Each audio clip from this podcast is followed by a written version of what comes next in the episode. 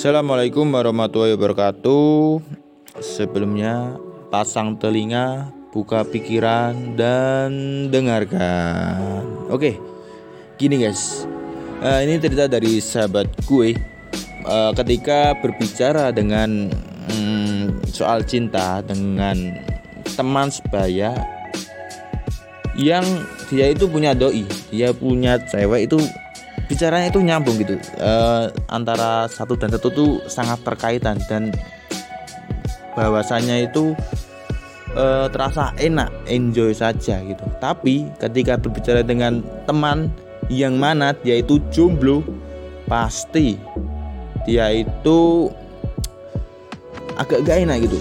Mukanya dilihat dari mukanya saja itu sudah um, menampilkan wajah yang sangat tidak enak gitu aneh sekali. Jadi serasa itu pembicaraan itu tidak nyambung dan selalu teralihkan gitu.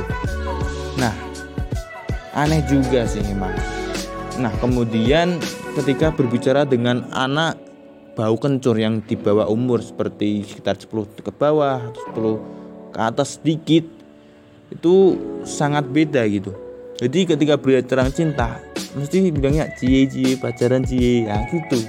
Jadi masih antara apa ya e, pematangan secara kepribadian secara emosional itu masih kurang.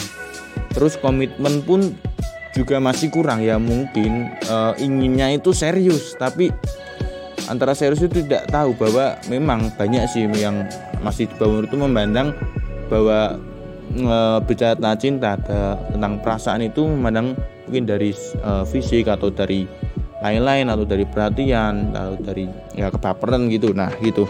Kemudian kalau berbicara tentang cinta atau tentang perasaan kepada orang tua nah gini guys. Ini parah banget ini.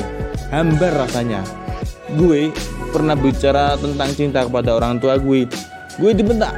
Wah gue mikir kuliah aja mikir sekolah mikir belajar mikir kerja. Nanti ada jalannya gitu. Jadi gue kaget sekali ketika dibentak itu. Wah tapi ya gue ketawa sih senyum-senyum aja. Karena ketika bila cinta itu sangat mengasihkan. Nah itu bahwa berbicara tentang cinta dan perasaan. Cinta perasaan itu suka pada orang itu adalah sebuah anugerah yang harus kita jaga dengan erat.